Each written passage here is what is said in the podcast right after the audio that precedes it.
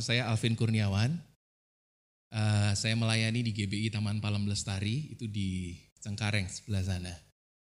Uh, peristiwa yang menarik adalah hari terakhir acara gereja GBI Jakarta Barat itu di tempat kami kalau ibu ingat. Tanggal 18 Maret 2020. Itu adalah acara gereja terakhir, ibadah minggunya, ibadah terakhir kita habis itu lockdown sampai beberapa bulan yang lalu. Jadi itu sebuah kisah yang kita semua mengalami. Hari ini saya mau sampaikan sesuatu Bapak Ibu Saudara, ini penting buat uh, prinsip kita sebagai anak Tuhan. Saya mau bicara soal berkat dan kekayaan. Ya, ada berkat, ada kekayaan. Tahun depan katanya ada krisis dan resesi dan lain sebagainya. Sekalipun saya percaya Indonesia adalah bangsa yang masih kuat dan saya percaya tidak resesi sampai parah seperti di sana. Cuman tidak salah juga kemungkinan tahun depan akan makin banyak orang miskin. Ya, bukan karena penghasilan kita yang berkurang, mungkin tidak, tetapi karena nilai uang yang makin berkurang karena inflasi. Jadi cukup perlu diperhatikan Bapak Ibu Saudara.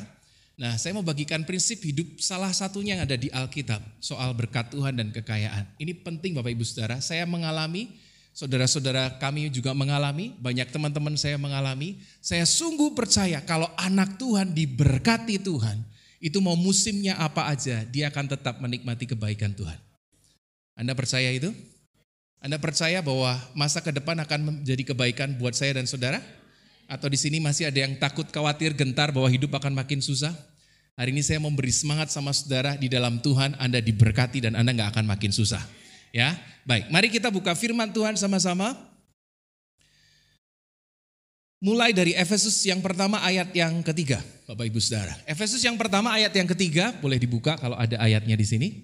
Baik, Sebelumnya saya tanya beberapa di antara kita yang mau buru-buru pulang? Nggak ada ya? Kalau buru-buru saya mau lompat ke kesimpulan dan ayat terakhir. Tapi kalau Anda nggak buru-buru, kasih waktu kepada saya untuk menjelaskan dari awal. Oke? Efesus yang pertama ayat 3, kita baca bersama 1, 2, 3.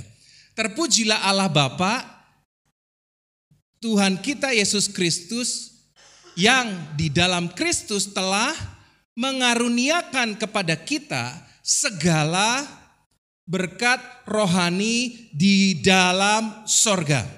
Amin. Saya percaya hidup ini pada dasarnya adalah kasih karunia Tuhan. Yang setuju katakan amin.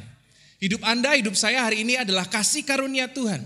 Dan dikatakan begini, di dalam kasih karunia Tuhan, dia mengaruniakan kepada kita segala berkat rohani.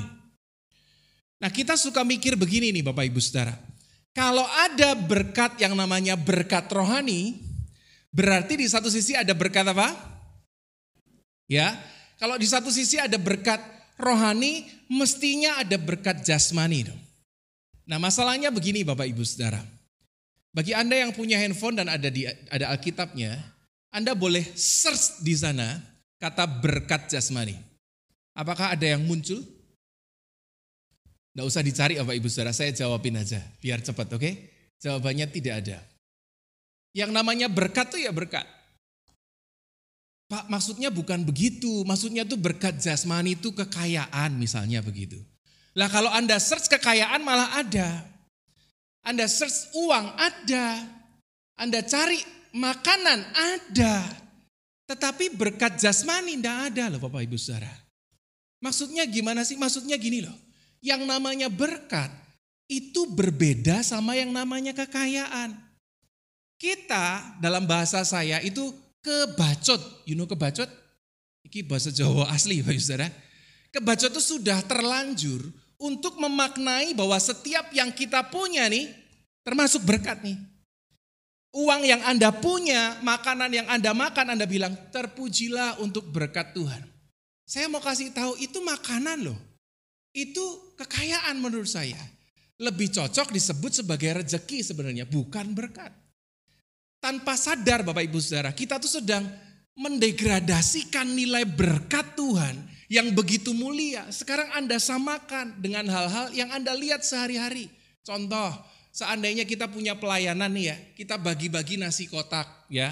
Anda bilang izin dong Pak bagi berkat.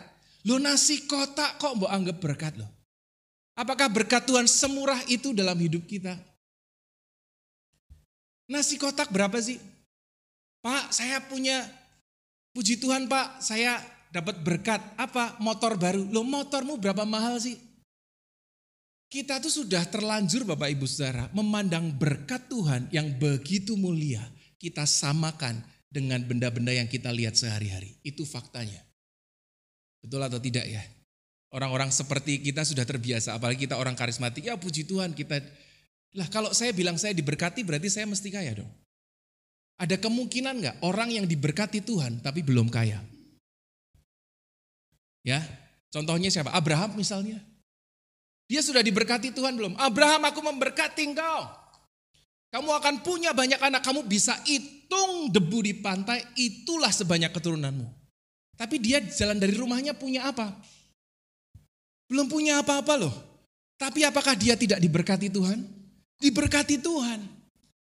Sebaliknya ada juga kemungkinan orang punya banyak, kaya raya, tapi hidupnya jauh dari berkat Tuhan. Orang-orang jahat, koruptor, orang-orang yang serakah. Mereka punya banyak, mereka kaya, tapi jangan bilang mereka diberkati Tuhan. Mereka jauh dari berkat Tuhan. Betul nggak Bapak Ibu Saudara? Mari kita buka nih Bapak Ibu Saudara ya. Kadang-kadang kita tuh udah kebacut loh. Kalau kita bilang berkat tuh pokoknya cuan, cuan, cuan, cuan, cuan gitu loh. Bagi, mari bagi kita hari ini kembalikan kepada fungsi bahwa kita ini hidup diberkati Tuhan. Dan itu menurut saya jauh lebih penting daripada seberapa pun yang Anda miliki dalam hidup Anda. Ya, Kejadian 1 ayat 28. Mari kita kembali kepada ayat yang semula ini. Kejadian 1 ayat 28 berkata begini. Allah memberkati mereka, ya. Allah memberkati mereka, lalu Allah berfirman kepada mereka, beranak cuculah dan bertambah banyak, penuhilah bumi dan taklukkanlah itu, berkuasalah atas ikan-ikan dan seterusnya. Dikatakan begini, Allah memberkati mereka, dan ayat itu berkata begini, setelah diberkati saatnya kalau Indonesianya beranak cucu dan bertambah banyak. Be fruitful, berbuah dan monggo bermultiplikasi. Anda boleh bermultiplikasi dalam hal apa pun. Tambah kaya, tambah banyak jumlahnya, go ahead. Ya. Manusia diberkati Tuhan dan setelah diberkati, dikasih tugas. Sekarang kamu kerja nih, bertambah banyak, berbuah, bermultiplikasi. Nah bagi kita sekarang, setelah kita bermultiplikasi, kita menghasilkan sesuatu, kita bilang hasilnya itu berkat Tuhan. Benar apa enggak kira-kira? Padahal Alkitab bilang gini, manusia diberkati dan karena manusia diberkati, dia menghasilkan sesuatu. Itu yang benar tuh. Jadi kita tidak bisa samakan Bapak Ibu Saudara, hasilnya ini sama dengan berkat. Ini bukan berkat, ini hasil karena saya dan Anda diberkati Tuhan. Tapi ini cuma hasilnya. Jangan samakan hasil apa pun itu dalam hidup Anda jadi berkat Tuhan. Berkat adalah sesuatu yang lain. Kalau kita diberkati Tuhan bersyukurlah. Mungkin kita belum punya sesuatu hari ini. Tetapi selama Anda dan saya diberkati dan hidup dalam berkat Tuhan. Akan ada waktunya hidupmu menghasilkan sesuatu. Saya kasih contoh ya supaya jelas dan mudah. Ini ini ini persembahan ya, ini nanti untuk persembahan. Anggap aja ini angpau. You know angpau? Ya pasti tahu lah ya. Angpau. Kami ini orang-orang keturunan Chinese yang gitu. Kami punya kebiasaan kalau mau menikah ya, itu ada yang namanya tipai. Ya di sini sudah menikah? Ada tipai nggak? Ada ya. Eh, harus ada tipai. Kenapa? Itu kesempatan untuk meraup kekayaan sebanyak-banyaknya, oke? Okay? Jangan nggak ada tipai. Dulu waktu saya nikah, karena saya nikah itu dua kali acaranya ya, bukan dua kali nikah loh ya, bukan. Nikah dengan orang yang sama dua kali, satu di Jakarta, bapak kayaknya datang waktu itu, dan ibu saya. Lalu satu lagi di Jogja, karena keluarga besar saya di Jogja, keluarga besar istri saya di Jakarta. Jadi kami dua kali. Lalu saya sama istri bilang, ya nggak usah pakai tipai lah. Istri saya, wah ribet lah tipai, tipai. Setelah nikah kita nyesel loh itu beneran. Gak dapat mas-masan, gak dapat angpau-angpauan. Tahu gitu kita tipai sayang nol nol dah ya nggak apa-apa lah ya namanya juga memulai. Tipai itu adalah budaya yang gini kira-kira. Anggap saja saya menikah, ini orang tua saya yang di depan. Oke, okay? Waktu kami menikah, lalu kemudian kita itu tipai urut dari dari opa, oma dan lain sebagainya. Kalau masih ada yang tua. Lalu kan kami datang ke orang tua toh. Kalau kami bersujud ke orang tua, lalu orang tua kan yang pertama dia mendoakan. Ya, doanya biasanya begini nih kalau tipai. Nak, jangan berantem ya. Papa mama berdoa kamu diberkati Tuhan. Papa mama berdoa anak-anakmu nanti banyak. Nanti keturunanmu diberkati makmur, prosper kamu lancar rezekinya dan lain sebagainya. Oke. Lalu setelah didoakan, dipeluk dan lain sebagainya, dikeluarin tuh senjatanya. Nah, oke, okay, emas-emasan lah, duit-duitan, dolar kalau bisa. Lalu dikasihkan kepada kita. Haleluya gitu kan ya. Yang namanya berkat itu restunya. Ini bukan berkatnya Pak. Ini rezekinya. Jadi Anda lebih penting mana antara ini atau isinya lah, kalau isinya jelas lebih penting isinya. Ini atau restunya. Bagi saya orang Kristen, lebih penting restunya. Ini ini cuma rezeki loh. Ini ya Pak Bu, sekalipun ada duitnya, ini bisa hilang di jalan. Rezeki dalam hidup Anda dan saya, duitmu tuh bisa dicuri orang loh. Kamu bisa ditipu. Ada yang ikut robot trading, ya enggak usah dibahas lah, mengecewakan. Oke, okay? Ada yang bisa, ada yang ditipu, ada yang hilang duit, ada yang ditipu sama orang Kristen, kerjasama gagal. Ini bisa hilang. Betul apa tidak? Tapi saya tanya jawab dengan baik. Siapa yang dapat mencuri berkat Tuhan dalam hidup kita? Anda pilih diberkati atau ini? Seringkali kita orang Kristen, maaf ya, serakah kita doa cuma minta ininya loh. Bagi kita orang Kristen, yang penting katakan Tuhan aku mau diberkati Tuhan. Hidup dalam berkat Tuhan, hidup dalam kebenaran setiap hari itu jauh lebih penting. Ini Pak, ini bisa hilang dengan gampang. Ini terlalu mudah buat hilang setiap hari. Makin lama ini tidak ada nilainya loh uang tuh. Inflasi lagi tinggi sekarang, uangmu makin tidak ada artinya. Dulu zaman kita sekolah, saya ingat sekali anak saya sekolah, sekarang begitu sekolah mau daftar TK aja loh, mintanya 12 juta. Sekarang Astaga naga, astaga. 12 juta tuh saya bisa sampai lulus SMA pak. Dari dulu sampai, kalau saya pakai uang itu, uang tuh makin tidak ada nilainya. Tetapi berkat Tuhan dari dulu sampai sekarang abadi dalam hidup kita dan itu berharga. Coba pikirkan dulu, pilih Anda mau jadi kaya raya atau dengan segenap hatimu katakan, yang penting aku diberkati Tuhan. Kalau bagi saya Bapak Ibu Saudara, pastikan hari ini sebagai orang percaya, waktu engkau datang, tidak usah doa soal beginian. Ini akan Tuhan kasih pada waktunya. Yang lebih utama, katakan aku mau hidup di dalam berkat Tuhan. Senantiasa, setiap hari aku mau diberkati Tuhan. Kalau kita hidup diberkati Tuhan Bapak Ibu Saudara, saya rasa ini adalah hal yang mudah untuk di, di, dicari dalam hidup kita. Salah satu ayat favorit kita kan berkata begini, Berkat Tuhanlah yang menjadikan kaya, susah payah tidak menambahinya. Anda apalkan ayat itu kan? Seringkali ayat itu dipakai untuk orang-orang berkata begini, berkat Tuhanlah yang menjadikan kita kaya, susah payahku tidak menambahinya. Ditambah-tambahin sendiri ayatnya, Bapak Ibu Saudara. Dari ayat itu sebenarnya jelas loh, berkat Tuhanlah yang menjadikan kita berkat Tuhan ada kekayaan. Ada berkat Tuhan, ada kekayaan. Karena saya dan Anda diberkati Tuhan, somehow kita tidak tahu kenapa kita dimampukan Tuhan di dalam hidup kita untuk memperoleh kekayaan. Tidak tahu kenapa Bapak Ibu Saudara, tapi itu terjadi. Tapi ini dua hal yang berbeda. Saya kasih contoh dengan baik Bapak Ibu Saudara. Anda ingat bangsa namanya Israel. Siapa yang bilang Israel tidak diberkati Tuhan? Oh enggak, sampai sekarang Israel masih bangsa yang diberkati Tuhan. Saya percaya demikian. Tidak bisa diapa-apain Bapak Ibu Saudara. Itu janji Tuhan dari dulu sampai sekarang ya dan amin buat mereka. Mereka sekalipun kecil wilayahnya tapi besar kuasanya. Kita tidak bisa bilang apa-apa ya. Tapi Anda ingat baik loh. Bangsa Israel disertai Tuhan dengan berkat yang menurut saya itu kelihatan oleh mata. Dia jalan di padang gurun ratusan tahun. Dia boleh melihat ada makanan setiap pagi, ada makanan daging setiap sore. Mereka lihat tiang awan, tiang api, diberkati Tuhan enggak? Diberkati. Tapi ingat baik loh Bapak Ibu Saudara, firman Tuhan juga bilang begini, mereka diberkati. Mereka dilepaskan dengan tulah yang macam-macam. Sungguhlah penyertaan Tuhan hebat.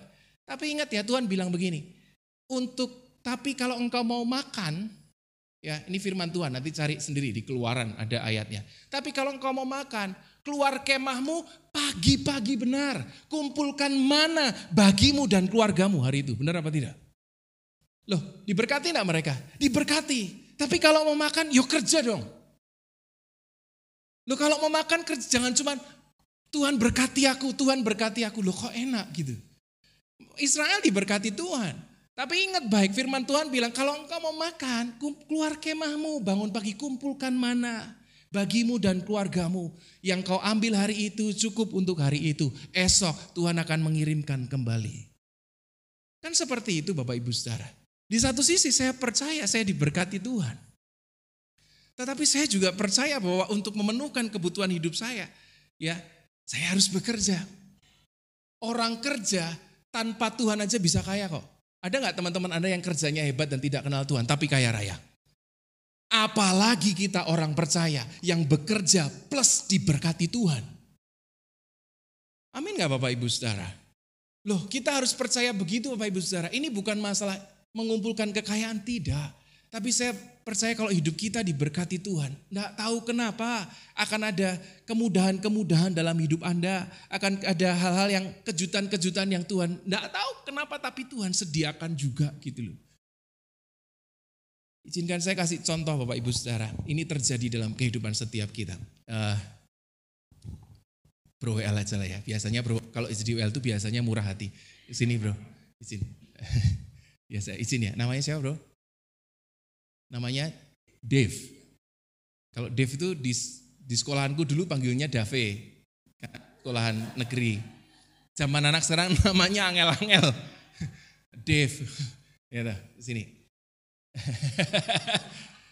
Berkat Tuhan tuh kehidupan kita tuh begini loh Bapak Ibu Saudara. Ya, Bapak Ibu Saudara harus percaya soal ini. Ada sesuatu kuasa yang kita tidak lihat, tetapi nyata dalam hidup kita.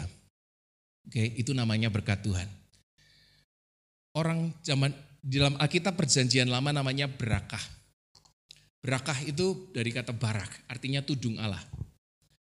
Mungkin kita lebih kenal dengan apa yang saudara kita pernah sampaikan, yaitu dengan kata barokah. Ya, kalau barokah Anda pernah dengar kan? Ya, warteg barokah, ya, sarung barokah, dodol barokah. Ya nggak apa-apa. Itu kayak kita orang Kristen buka toko bangunan berkat abadi jaya. Ya terserah namanya. Nama-nama tokonya sendiri, ya kan? Barak itu artinya tudung Allah. Raja Daud pernah bilang begini, kebaikan kemurahan Tuhan mengikut aku seumur hidupku. Kelihatan enggak kebaikannya? Enggak, kemurahan Tuhan kelihatan enggak. Tapi ada dalam hidup kita, itu namanya barak. Tanpa sadar dalam hidup kita itu ada barak, berakah. Yang Anda enggak tahu, ini dia mau jalan ke mana ya? Selama dia di dalam Tuhan, ini mengikuti dia. Suatu saat ada pandemi, aku ngikut kamu loh, jangan keluar aja masih ada tugas, oke? Okay? Ini ngikut nih. Selama pandemi kira-kira ini terdampak enggak? Ya terdampak dong. Jangan bilang kita orang Kristen kebal sakit. Wah itu ada, saya pernah khotbah di Surabaya Bapak Ibu Saudara, itu pendetanya sakit, saya bilang, bawa minum obat periksa istri saya dokter biar bisa. Enggak, saya percaya Tuhan sembuhkan. Ya sekarang udah mati stroke, udah biarin aja. Enggak percaya gitu-gitu loh, percaya. Anak Tuhan bisa juga loh Bapak Ibu Saudara, kena pandemi bisa. Tetapi selama diberkati Tuhan, firman Tuhan bilang begini, tujuh kali orang benar jatuh, dia akan selalu bangkit kembali sebab tangan kuat menopang hidupnya. Tangannya kelihatan apa tidak? Pandemi bisa membuat dia jatuh, membuat kita terdampak, tapi selalu bangun kembali sebab ada berkat Tuhan yang menudungi hidup kita. Tidak bisa dia apa-apain. Suatu saat mungkin ada orang fitnah dia bilang, ini anaknya jelek ini, nipu dan lain sebagainya. Suatu saat akan terjadi gitu. Bisa difitnah nggak? Bisa.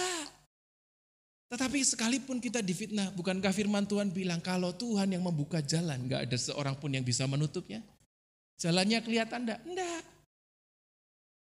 Kalau Tuhan yang berjanji Tuhan akan mencukupi, akan terjadi enggak dalam hidupnya? Akan terjadi Bapak Ibu saudara. Kalau Tuhan yang akan melimpahi akan terjadi enggak? Akan melimpahi. Tapi mungkin hidupnya kelihatan orang mungkin bisa jatuh dan lain sebagainya. Mungkin dia bisa difitnah. Udah konglomerat belum? Saya tanya dulu. Takutnya udah kan saya menodai. Belum ya? Tapi percaya konglomerat on the way. Oke? Okay? Dan kita diberkati Tuhan. Suatu saat apa yang dia kerjakan menjadi berhasil. Karena apa? Karena ada barak ini loh. Itu namanya berkat. Berkat bukan soal cuannya. Thank you ya bro ya. Berkat itu bukan soal cuannya. Tapi ketika kita diberkati Tuhan, itu kita ada sesuatu yang mengikuti hidup kita.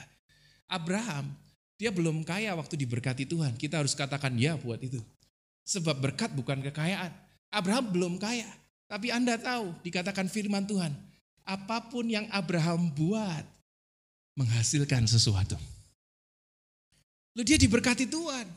Suatu kali Abraham dan Lot dia harus berpisah. Kenapa? Karena sama-sama punya banyak dalam hidupnya.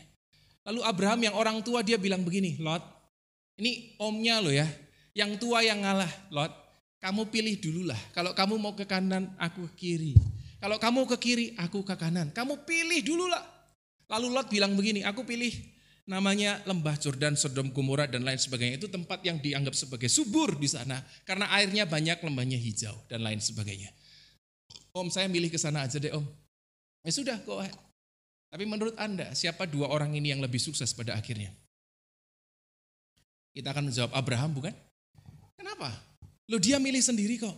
Dia pilih tempat yang baik loh buat hidupnya. Tapi kok nggak sukses ya? Kok malah hidupnya akhirnya istrinya meninggal dan lain sebagainya, hidup jahat dan lain sebagainya. Lain Pak. Sebab Abraham diberkati Tuhan. Itu yang membuat beda. Lalu Abraham punya anak namanya Ishak dan Ishak diberkati lewat tangannya Abraham, oke? Okay?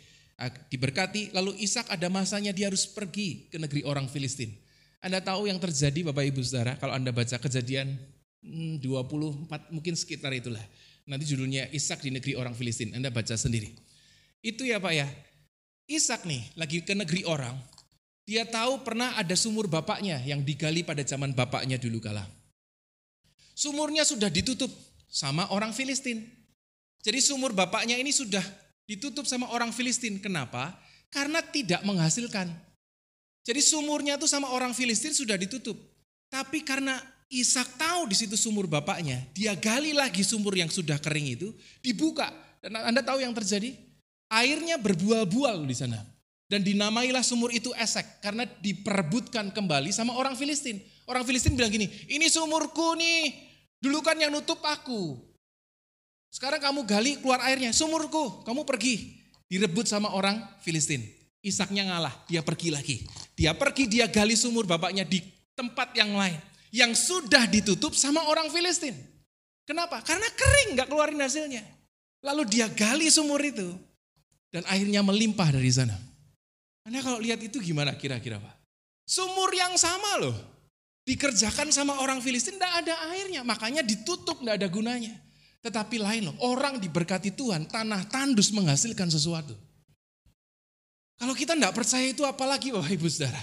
Dikas, digali sama dia, kemudian diperbutkan sama orang Filistin, ya sudah, dia ngalah, dia pergi lagi. Lalu yang ketiga kali, dia gali sumur. Lalu air sumur yang kering yang sudah ditutup orang Filistin. Digali airnya berbual-bual. Lalu tidak diperbutkan orang Filistin, disebutlah tempat itu namanya Rehobot. Asal kata daripada Rehobot Bapak Ibu Saudara. Sumurnya nggak diperbutkan. Sumur yang sama dikerjakan oleh orang yang berbeda, hasilnya berbeda. Kadang-kadang kita bilang begini, Pak saya nggak bisa kerjakan itu, saingannya terlalu banyak. Pak saya nggak bisa kerjakan itu loh, ini aja susah kok, udah banyak yang jual mie Pak, masa saya mau jual mie? Saya mau katakan Bapak Ibu Saudara, orang diberkati Tuhan, dia mau kerjakan apa pun dari tangannya menghasilkan. Anda percaya itu? Saingannya banyak, enggak apa-apa Pak. Jalan ditutup sama orang lain, enggak apa-apa. Ini bukan masalah tanah tandus yang sudah kering. Tetapi siapa yang mengerjakan itu? Kalau dia diberkati Tuhan, menghasilkan kecukupan dan kelimpahan buatmu dan buatku. Yang penting kita diberkati Tuhan Bapak Ibu Saudara. Itu jauh lebih penting Berdoa setiap hari, katakan Tuhan aku mau diberkati Tuhan. Mungkin kita belum kaya, enggak apa-apa. Tetap setia sama Tuhan, tetap datang ibadah. Tuhan belum sembuhkan, enggak apa-apa. Tuhan belum ber, belum kasih rezeki banyak buat Anda, enggak apa-apa. Tetap bersyukur katakan ke mana engkau suruh aku melangkah. Dan tanah yang akan kukerjakan menghasilkan buatku dan keluargaku. Kita harus senantiasa percaya Bapak Ibu Saudara. Saya mau saksikan sesuatu ini kejadian nyata dalam hidup saya dan keluarga Bapak Ibu Saudara. Saya seorang pendeta dan saya seorang penyanyi. Ya, kalau ada yang pernah tahu dulu saya sampai sekarang masih nyanyi. Dulu saya lulusan acara yang di Indosiar, makanya saya bilang ibu dulu saya tinggalnya di Indosiar, Bu. Ya, itu alumni saya pertama kali ke Jakarta saya ke Indosiar, acara yang pakai joget-joget itu loh ya. Lalu kemudian setelah itu saya jadi uh, penyanyi sebuah band sampai sekarang namanya Base Jam. Kalau masih tahu band itu, ada di sini ada yang tahu Base Jam? Ada yang tahu? Oke, seumuran kita, Bro. Oke? Ya, uh, haleluya. Enggak ada masalah. Seumuran kita. Ya. 18 Maret adalah hari terakhir, makanya saya ingat hari itu adalah acara di gereja, terakhir kebetulan di gereja kami di Cengkareng. 18 Maret 2020 adalah hari terakhir saya nyanyi. Eh, pelayanan siangnya, jadi WL waktu acara GPI Jakarta Barat, malamnya saya nyanyi. Terakhir kali Bapak Ibu Saudara. Sampai masa Covid. Jadi saya nyanyi udah nggak ada, habis itu semua acara di cancel sampai tahun baru. Tahun baru itu adalah Desember itu waktu yang sangat baik banget buat kami karena Desember tuh lagi banyak untuk mengais rezeki sebenarnya. Tahun baru tuh kita bisa berlipat-lipat kali ganda untuk nyanyi. Jadi selama setahun tiba-tiba di cancel. Ya. Lalu kemudian jadi pendeta, kita sama-sama tahu gereja tutup. Seneng atau enggak? Lebih senang ibadah atau enggak ya bisa ya. gereja tutup, jadi gaji saya juga hilang di gereja. Jadi saya enggak punya gaji, saya enggak punya eh, penghasilan dari nyanyi. Itu bulan Maret 2020. Bulan Januari itu saya sama istri mau pindah rumah karena kami itu numpang di rumah mertua. Rumah saya terlalu jauh di BSD sana, saya punya rumah di BSD. Lalu kemudian karena istri saya hamil, saya sering keluar titipin ke rumah mertua di Cengkareng. Jadi kami numpang di rumah e, mertua sampai akhirnya kita mau keluar.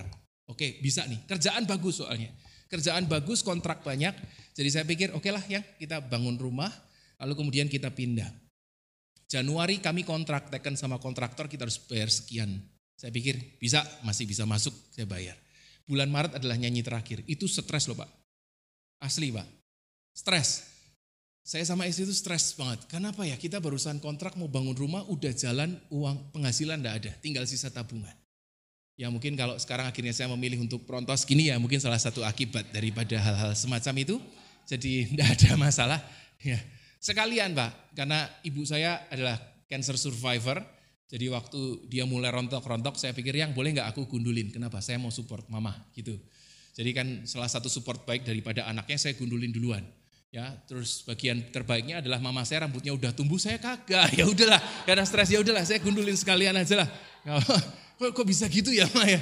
Mama yang cancer tapi ya udah enggak apa-apa, ini rambut ya. Puji Tuhan, mama saya sehat yang penting gitu. Jadi saya Stres banget lah pas itu. Saya ingat sesuatu Bapak Ibu Saudara. Dari waktu saya pertama orang Kristen pertama kali dari Yogyakarta pindah ke Jakarta, saya naik motor.